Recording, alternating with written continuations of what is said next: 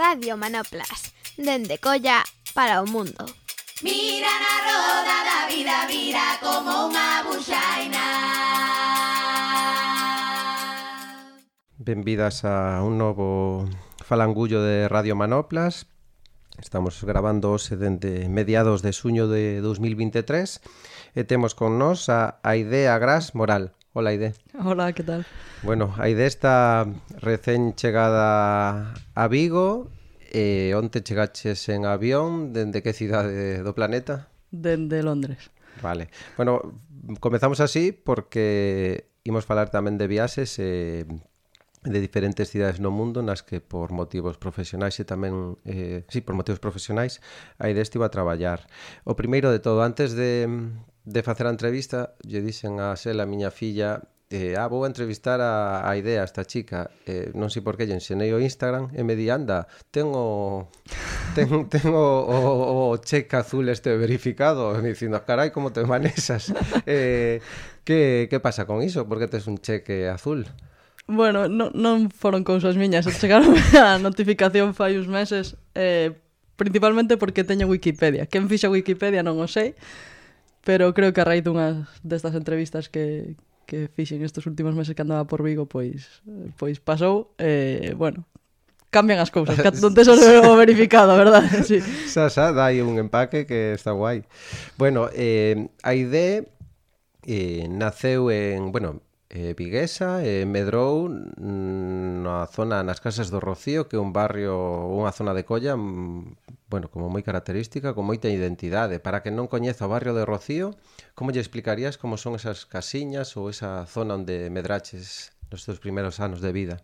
Bueno, un barrio que cambiou moito, non? Como, como toda a colla, ao final, eh, eu crecí nos 90, que era un período duro para estar ali, a verdade, moita droga e... Eh, e moitos problemas na rúa, pero pero un barrio moi moi unido, non? Eu vivo no, no Rocío, na, na Rúa do Medio, e recordo con, con moito agarimo estar ali porque todos os veciños estaban como moi unidos para, para sacar a droga ali da, da rúa e, e estivo moi ben, a verdade. Foi foi duro vivilo, pero ver toda esa unión dos, dos veciños que levaban ali toda a vida. Meu pai naceu na casa na que vivimos e, e segue ali, entón é como un barrio con, con moita identidade. E logo do Rocío pasaches a outro lugar hipercollano que é o Campo Rojo a facer a botar horas, supoño ali da túa sí. infancia, facendo que? Pois xogando fútbol, non? Creo que estive máis horas no Campo Rojo que na casa probablemente, así que que si sí, é o sitio máis característico onde podías encontrarme despois do, de sair do cole do seis Nadal, estaba todo o día ali. Eh, eso, eh, o fútbol, que xa como primeiro tema, xa de moi pequena comezas a dar patadas, comezas a, jugar, a xogar fútbol sala con Maitane, que anda por aquí o seda sudante, e con outras tantas. Eh, de onde nace esa historia do fútbol? De tan pequena, en anos, pensaba antes de gravar, en anos nos que o fútbol feminino non era nin a metade de mainstream que agora, nin a metade de fácil para unha rapaza xogar o fútbol, non? Primeiro non existía a palabra mainstream, así que non, non, é eh, moi moi complicado, Maitane que está aquí pode poder dicilo. Creo que todas as que crecimos na, nesa, nesos anos 90 temos a mesma historia. Eh, a min, a final, foime un pouco mellor que o resto en temas futbolísticos, pero todas temos a mesma historia de pois xogábamos cos amigos na, na rúa, non nos deixaban xogar porque éramos mulleres, non tiñamos equipo onde xogar, eh, tivemos a sorte de que Olivo apostou por polo fútbol femenino, na figura de Enrique ali como como adestrador e como facendo todo. Eh, eu caí en aí de casualidade, eh, Maitane tivo sorte que o tiña debaixo da casa, pero eu caí en ali de, de casualidade, pero non era nada sinxelo xogar o fútbol. De feito, no meu barrio eu podía xogar, pero os nenos só deixabanme xogar de porteira porque senón era como nadie, ninguén quería quedar de porteiro, entón, eh, bueno, pode xogar, pero só aí ata que, pois pues, bueno, pouco a pouco conseguir sair da portería, pero pero era era moi complicado. Claro, supoño que para ti o fútbol agora mesmo case en, en moita parte da túa vida, sí. eh, entendo que tamén algo moi importante en positivo, pero que supoño tamén terás episodios no que o fútbol ou ser futbolista ou o teu interese polo fútbol era motivo de que a xente de fora eh, non sei, o usara como insulto ou como... Mm, sí, claro. Eh, creo que, como dicía todas, chamaronos marimacho, eh, mandaronos a fregar. eh, e sigue pasando. Eh, lamentablemente sigue pasando. Quero dicir, eu agora teño a sorte de traballar no fútbol profesional. Eh, sí que cada vez... Eh, moito máis aberto agora en, en Londres ou na Premier é outra historia, eles están moi moi abertos a iso, pero a pregunta que máis me fixeron a miña na, na miña vida, digamos, laboral é se coñezo a Messi. Entón é como Sí, coñezo a Messi. sí, sí, sí, sí, coñezo. Ou preguntarme se, se sei que é un fora de xogo estas historias. Eh, incluso fai uns meses no polo Día da Muller eh, uns compañeiros periodistas eh, mandarme unha entrevista moi moi complicada que tuve que negarme a, a contestar. O sea, contestei a entrevista, pero non lle gustaron as respostas, eh? ni siquiera publicaron. Entón, sí, segue pasando, segue sendo complicado. Bueno, que hai mudanzas, pero vai para niño tamén. Sí, pero hai mudanzas, eh? non, non estamos parados. Eh, eso, tes a sorte de que en Vigo había un clube que apostaba polo clube polo fútbol feminino, comezas a xugar, entendo que comezas a despuntar, gañades algúns campeonatos por aquí, ¿no? Algo fixemos, sí. En, en, en, en categorías inferiores, en que momento ti te das conta que eso do fútbol sala pode ser como mm, un camiño para vivir ou lembras nalgún momento no que no que si sesas máis menos consciente de que isto Sí, evidentemente hai un clic. Eh, creo que eu Bueno, eu vivía nun capítulo de Oliver e Benji constante na miña cabeza, non? Para min, o único importante era o partido do fin de semana. Eh, eh, hai un momento con 15, 16 anos que nos adestrador Berto eh, decide levarnos a Ourense a un partido de, de primeira edición que xogábanse a Liga o, o equipo de Ourense e eu nin sabía que existía porque, claro, non teñamos internet nin estas cousas e chegamos ali e o pabellón estaba a reventar eh, e empezaron a contarnos que as xogadoras cobraban diñeiro, que era un deporte profesional para elas, e eu aí dixe, como? Que aquí pagan diñeiro por xogar ao fútbol, pero entón que estou facendo eu da miña vida? E, e ese foi o clic, non? E dicen, bueno, pois, se elas poden facelo, eu vou intentalo. E cando foi... A que idade comezaches a cobrar por xogar ao fútbol? Eh, uh, 17. O sea, un ano ganan pouco despois. E, sí, o equipo de Coruña chamoume para ir para ali e empecé a cobrar ali. Eh, logo xogaches e gañaches tamén moitos títulos no Burela, uh -huh. un equipo non moi punteiro a día de hoxe tamén no sí, fútbol sala nacion, no, no, no, no ámbito estatal, non? un dos equipos máis potentes.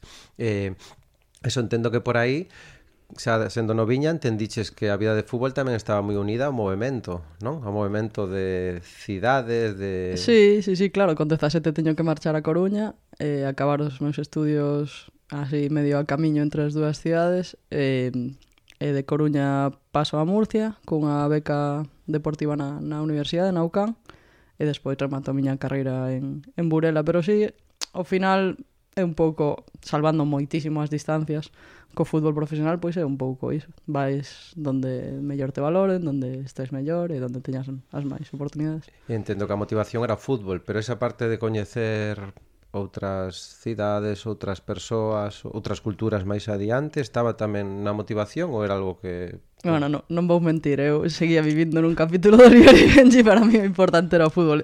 Evidentemente o paso de, de Coruña a Murcia é, é moi importante porque eles paganme toda a universidade, entón eh, xuntábanse as dúas cousas, que, que eu tiña, ia ter unha boa educación e, e seguíame pagando por xogar o fútbol. Eh, eso, con Murcia falamos da universidade na que eh, fixeches os estudos de... Eh, Educación Física, da INEF. E aí nalgúa entrevista contas que tiveches un profesor que había unha materia que falaba algo sobre análise de datos ou que uh -huh. trataba sobre análise de datos e a ti como que che fixo así o clic que dixeches, ui, isto me interesa. Eso, tamén en tempos nos que a dimensión de, no deporte do análise de datos, cando menos aquí en, en España ou en Europa, sí. non era nada parecido de agora. Que era o que te atraía daquel mundillo?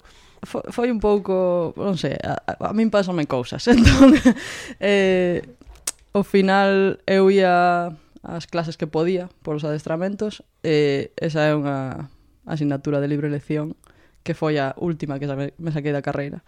Eh, escollina porque podía ir a clase por, por horarios. Eh, E ali o profesor pois, mostrounos que a análise tanto táctica como de datos era un, un, unha profesión que estaba crecendo moito e ao final era algo que eu facía sin saber mentras xogaba. Estaba moi pendente da, da parte da, da, da pelota parada, da, dos corners, da estrategia e, e das estadísticas en que sempre foi moi demandante cos, cos adestradores sobre iso, e entón ali descubrí que que non en España, pero que en Inglaterra xa estaban empezando con iso e sobre todo pois Estados Unidos que eran moi moi punteiros na, N na NBA e todos estes deportes e, e dixo o profe, sí, sí, é unha, é unha profesión, non está moi ben pagada porque está empezando, pero pero hai un camiño que, que podes ter porque non hai moitos analistas en, en España. E ti, ademais de fixarte mentras eras xogadora, facías algún tipo de práctica de tomar datos ou de recoller de algún xeito eh, o traballo de outras rivais ou de outros equipos nesa, nesa a ver, edición? volvemos a estar no punto de que internet estaba como estaba e eh, non había moita información pero sí, sí sempre levei me, meus datos como persoais de goles e asistencias estas cousas que fan os xogadores e eh, aí a raíz desa asignatura empecé a traballar aí no, en el Pozo, no equipo de fútbol sala, con, con Duda como adestrador, que é un loco das estadísticas, el abriume todo o abanico, de repente tiña datos de fai un montón de temporadas, entón foi como, ei, isto pode, pode ir en serio. E en que momento tes que deixar o fútbol como xogadora ou por cal a razón de, de abandonar de colgar as botas ou as zapatillas? Bueno, a, a, a rodilla, non? No cello, si, sí, eh, díxome que xa era suficiente. Eh, ao final, a última temporada en Burela foi moi complicada, moita dor. Eh, xuntouse que a miña nai morreu o mesmo ano, foi un ano moi complicado, gañamos todos os partidos da temporada, fixemos doblete, pero para min personalmente foi foi un ano complicado e, bueno, eh, xuntouse un pouco todo, eh, moita dor, moi, moita exixencia, levaba moitos anos viaxando moitas horas de, de autobús, porque si, sí, éramos profesionais a hora de cobrar, pero non a hora de, de vivir de eso, entón dixen que xa era suficiente as horas de autobús, Burela queda nun sitio moi bonito, pero moi longe de todo, e o viaxe máis curta eran 10 horas de autobús, entón, pois xuntouse un pouco todo de 2013 colguei, colguei as botas. Eh, como te definirías como xogadora? Eh, non vin nada do teu modo de xogar, entón, como... como... Igual poderíamos preguntar a Maitane, non? Que anda por aquí, pero... Um, creo que a principal característica que entendía o xogo máis correcto. Entón, estaba sempre no sitio correcto. O sea, creo que tiña esa capacidade de, de, de ler o xogo antes que, que, os, que os rivais. Eh, e despois dábaseme ben a, o, o balón parado, pero vale, principalmente logo, logo con Mait Maitane afirma asinte que, que é verdade isto. Vale, deixas o o fútbol como xogadora entendo que sai en Murcia comezas eh, o traballo xunto co adestrador del Pozo nesta tarefa de análise de datos. Sei que despois entras a traballar nunha empresa así máis a nivel global que traballa neste campo. Eses inicios como, como foron de rematas a formación, tes o título. Como son os inicios no mundo este de, de de traballar cos datos no ámbito do deporte? Bueno, pois o mesmo que me pasou a min pasoulle a un par de compañeros na, na carreira que de feito seguimos agora sendo, sendo analistas profesionais, e un deles iba, digamos, un pouco por diante de nós, e iba un pouco abrindo camiño. El conseguiu este traballo nun, nunha empresa que se chama Instat, que é unha empresa rusa, que pro, prove de, de análisis para, para moitos equipos do mundo, e faloume un día, dixome, eh, están buscando xente aí, entón, pues, botei o currículum, pasei a prova e empecé a traballar como, como freelance desde casa eh, estive moitos anos con eles. Eh, unha parte moi importante do teu traballo nos comezos era traballar na casa, non? Supoño que visionado de infinitas sí. horas de fútbol, eh, peneirar os datos e volcalos en aplicacións ou, uh -huh. ou en, estructura no, en, en Excel avanzado eh, todos os datos e analizarnos, ¿no? dar informes. Sí, eso é. Eh, E logo, en algún momento, saes da túa casa diante das pantallas do ordenador e comezas a eh, viaxar polo mundo. Teño aquí anotado Tailandia, Qatar, Kuwait e eh, Malasia, no que entendo que comeza o traballo xa para clubes eh, como analista de datos. Non, sei, bueno, non sei se analista de datos é o termo que empregades no fútbol profesionalmente ou, ou outro. Eu teño, digamos que teño a, a a educación nas dous vertentes, son analista de datos e analista táctico, e agora mesmo utilizo máis a parte táctica no rol que, que desempeño.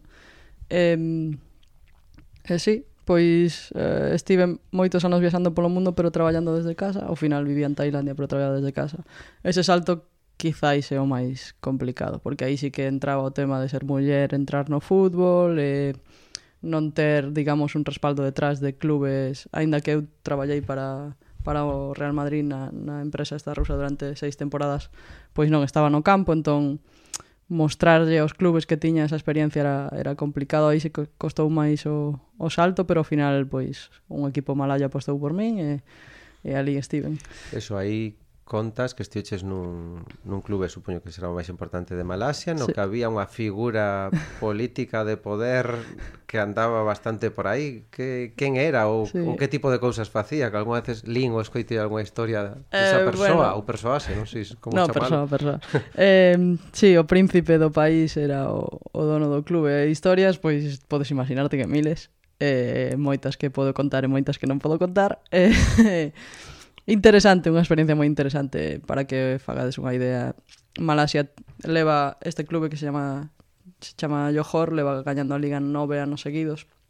A min tocoume 4, o sea que non non teño queixa, pero é como se na liga española só existise Barça ou Madrid, ninguén ninguén máis, entón era relativamente eh, sinxelo eh, pelexar pola liga, despois tiñamos a sorte de, de xogar a Champions, Pero sí, pois un, un personaxe bastante interesante porque, claro, sumábase pois todo o que rodea un príncipe de medidas de seguridade, de cosas que te podes imaginar con os cartos que metía no clube, as instalacións que tiñamos, eh, todo acceso a moitas cousas que están normalmente fora de, do teu alcance, todas as experiencias que podes vivir, pois eso, de, de cear en un palacio e de de ter así conversas con xente que viña de visita, que, que non esperabas, entón, pois, Pois moi interesante, unha experiencia interesante. Eh, claro, simplificando moito, unha nena de colla me aparece en Malasia. Eh. Nun país musulmán cun, cun, cun dono que un príncipe,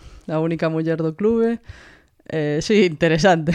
E quen apostou por ti? Porque creo que o, o traballo ese de, de análise de datos nese clube tampouco está, estaba un pouco cueiros ou non sí, era non, tan dimensionado como... Non, non había analista. Eh, cheguei para crear o departamento eh, apostou por mí un, o adestrador, un, que, que Benjamín Mora, un, un chico mexi mexicano que, que era adestrador ali, estivo moitos anos ali, eh, por azares da vida un, un dos meus informes chegou ás súas mans e dixo que e chamoume, aos 20 minutos de ler o informe chamoume e dixome, ei, onde estás? No, estou, vi, vivía en Bangkok, e dixome, ok, eh, querote aquí, canto é?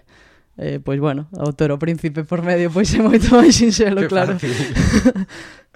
eh, Eso, o cambio de vida, porque sai supoño que a vida laboral será o central nas túas horas de vida, pero haberá, malia iso, tempos nos que o traballo non sexa importante, tes que vivir, moverte, como, como organizabas a túa vida eh, nese, neses países nos que todo era moi distinto? Sí, a, a vida agora cambioume un pouco cando, trabaxe, cando traballaba na empresa esta rusa veía unha, unha media de 500 partidos ao ano, entón moito tempo libre non tiña. Agora no, tampouco teño moito tempo libre, pero a, a, o traballo é distinto. Eh, falaba onte con, con un amigo deste do, do traballo, de como pois, de vivir en outros países, e creo que unha vez que saes fora, a, a mente ábrese moito, evidentemente, eu son das persoas que lle gusta probar cosas novas e, e, e ver que hai. Eh, e para min sempre non é un desafío cambiar de país, senón que é algo como divertido. Eh, é, é complicado, non vou mentir, sobre todo en países, pois Tailandia creo que foi o máis o que máis me gustou, pero que a barreira foi a máis complicada de pasar porque ali ninguén fala inglés. Eh, meu inglés non é de Oxford, pero podo defenderme, pero claro, o tailandés pois é máis máis complicado, entonces pasanche moitas cousas no día a día que ou o tomas con humor ou, ou pasas mal e volves a casa, non? Eh, por exemplo, eu recordo estar en Bangkok no primeiro mes ali e, e chegar un día a quedar sin internet na casa, pois eu precisaba de internet para traballar e eh, chamar a empresa e pois ninguén nese turno falaba inglés chamar no seguinte turno ninguén falaba inglés ir á tenda e ninguén falar inglés e estar pois seis días sin internet na casa ata que se amañou só. Pero claro, nese momento pois queres matar xente ou ou, ou tómalo a risa, non? Porque como, bueno, pois de 50 persoas que tes aquí traballando, ninguén fala inglés na, na cidade máis visitada no mundo por turistas, pois tes que rir, porque que vas a hacer? E despois que a túa vida laboral tamén está marcada por vivir en países como dentro de un determinado ámbito, non? Digo, fútbol, como que supoño que terá aí como uns circuitos, non? Tamén de ocio ou os clubes que te que, que vives dentro de de unha non a burbulla, pero ás veces afastada da vida cotiada xente sí, deses países, non? Burbulla total, sí, sí, claro. Eh, ademais xuntábase eso, Kuwait e Qatar, países eh, en Malasia moi musulmáns, eh, sendo muller, a única muller no clube, complicado ata que gañas o, o espacio e despois, pois, o que dices, tío, o fútbol é unha burbulla, non? A xente está moi implicada e parante pola rúa e sacaste fotos, estas cousas é, é guai, pero pero claro, tamén, tamén vives nunha realidade que non que non é verdade, non? De vos privados e hotéis de cinco estrelas e este xente con moito diñeiro ao redor, ao final. Digo, para, para unha, unha persoa que medrou nun contexto no que eso era o que veía igual na tele ou no, noutros lados, pero moi afastado do que contaches sí, no claro, inicio, non? dun eh, barrio, nun contexto Sí, sí, eu pasei do Campo Roxo pois eso, a, a xogar Champions e eh, que o, o futbolista de turno veña a ensinarte un reloj de 30.000 euros que comprouse onte, eh, que, que opinas? Pois pois non sei, que con ese diñeiro faría moitas cousas. Entón, sí, cambia moito a, a perspectiva en moitos aspectos. E, o este, este curso, esta tempada, uh -huh. marchas a Londres a, tra a traballar nun equipo da Liga Inglesa que se chama Bradford, sí. que creo que quedou de noveno. Sí, sí, sí. E, e te vas a un equipo no que traballas nun departamento moito máis dotado, cunha estrutura moito máis grande, e creo que nun equipo no que aposta bastante dentro da liga inglesa, non? Ou que debe ser dos pioneiros, ou dos pioneiros, non, dos, dos que tiran uh -huh. por este mundillo. Como foi este primeiro ano en Londres, unha cidade inabarcable eh, nunha liga que agora podemos dicir que a top non de, de Europa ou do mundo seguramente sí, polo menos sí. a nivel de medios seguramente sí, non, seguramente eh, a, a moitos niveles é eh, a mellor liga do mundo con, con moita diferencia na, a nivel organizativo a nivel de sí, eso, de, de todo, funciona todo ben. Eh, a verdade é que todo o que se intúe pola tele é verdade. E eh, funciona moito mellor do que parece. Entón, pois, a experiencia está sendo increíble. Eh, Londres creo que non é o meu sitio no mundo, non vou mentir, pero... pero está, está indo moi ben. Eh, o clube, para que os fagades unha idea da segunda tempada en Premier, é un pouco... Vou dicir Rayo Vallecano, pero para, para un pouco a equivalencia, nun barrio moi obrero, con moita tradición futbolística, pero sen, sen ter un clube eh, en Premier, e, e ten un dono que é un loco do, dos, dos datos. Entón, digamos que a única maneira de solventar ese, ese espazo que hai entre os top 6 ou top 7 que, que chaman da, da liga inglesa co resto, pois a súa maneira foi invertir en datos e pois estáis saindo ben. Alguna vez te escoitei falar digo pode haber aí como ese debate de ah, o fútbol agora está hiper no, controlado, non sei que eu creo que algunha vez escoitei falar que os datos dan información non e que non un tema de unha cousa contra outra senón que información que neste momento a manexan os clubes, os equipos uh -huh. e que hai que empregala. Pero malia iso hai algunha preocupación que teña sobre esta deriva a unha presenza tan importante dos datos no fútbol, eu pensaba nas nosas vidas, nas nosas sociedades, eso Big Data, todas esas historias, cada vez condiciona dun modo máis calado as nosas vidas, pero no fútbol, aínda que non se calado, é algo que nos últimos anos está medrando moitísimo, entendo modificando as formas de relacionarse cos xogadores ou os xogadores coa forma de, de desenvolver sí. a súa tarefa. Eu creo que, a ver, primeiro, os datos en contexto, non, non son nada. Podes ter moitos datos, pero necesitas un contexto e necesitas ter a visión moito máis amplia que, que saber que pois ti diches 10 pases ben de, de 20. Ao final é todo o contexto, e que lle pides a que xogador, e, e sen contexto non, non faz nada. Podes ter big data todo o que queiras, pero, pero precisa un contexto de alguén que entenda o xogo.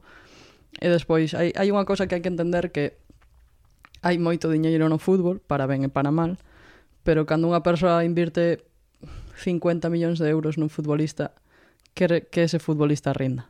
Eh, entón, colle todas as, os camiños posibles para que rinda. Entón, eu preciso saber se ti, que eu compreite, merqueite por 50 millóns de euros, dormiches ben, e comiches ben, eh, te sintes ben, eh, a tua casa te gusta. Eh, entón, pois é normal que se eu teño acceso a esa ferramenta de saber se cantas horas dormiche, eh, que calidade de son tuveche, e eh, como iso, pois, pasamos despois ao, ao campo, non? Cantos, canto corriches, canto non corriches, como corriches, pois é normal que se teña acceso, queira acceso. A persoa que, que pon o diñeiro, quero dicir, eh?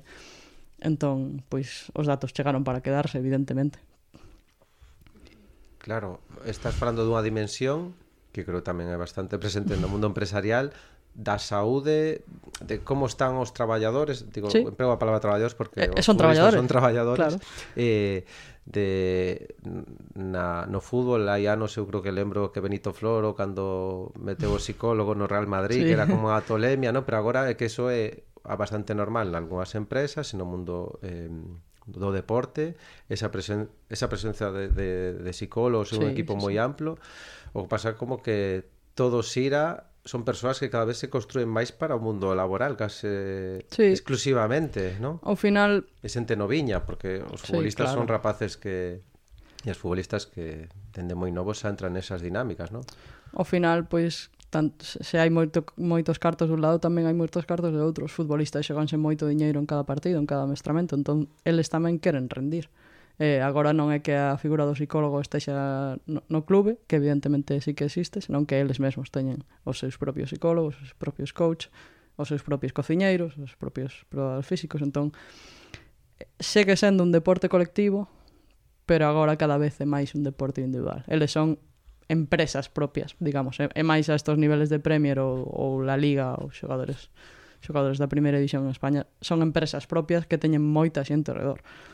O sea, ao final o futbolista ten pois eso, dende cociñeiro propio, preparador físico, fisio na casa, o seu coach ou psicólogo, eh, todo o que podíades imaginar porque hai moita xente que, que depende del e el depende de moita xente pois como dis, non? Ten 17 anos acaba de subir o primeiro equipo e sabe que se o fai ben hai, hai moito diñeiro e unha carreira moi moi longa por diante. Te dixen 25 e te enganei porque xa imos facer agora 28. Bueno. Eh, o que non te enganei é que isto por agora cero innovación sempre remata dicindo a ID eh, con que canción queres que pechemos isto? Pois mira, eh, ia dicir unha canción así moi moi típica para, para a xente viguesa que era o, el equilibrio imposible dos, dos piratas pero vou cambiar eh, vou dicir Olle Gallego de Berto.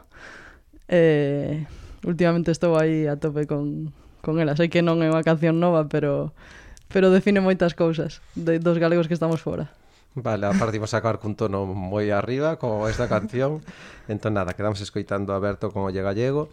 Eh, moitísimas grazas, Aide, por dedicar algo do teu tempo en Vigo a pasar por estes micros no, e por contarnos cousas. Moitas grazas. A ti. Hasta logo. Hasta logo.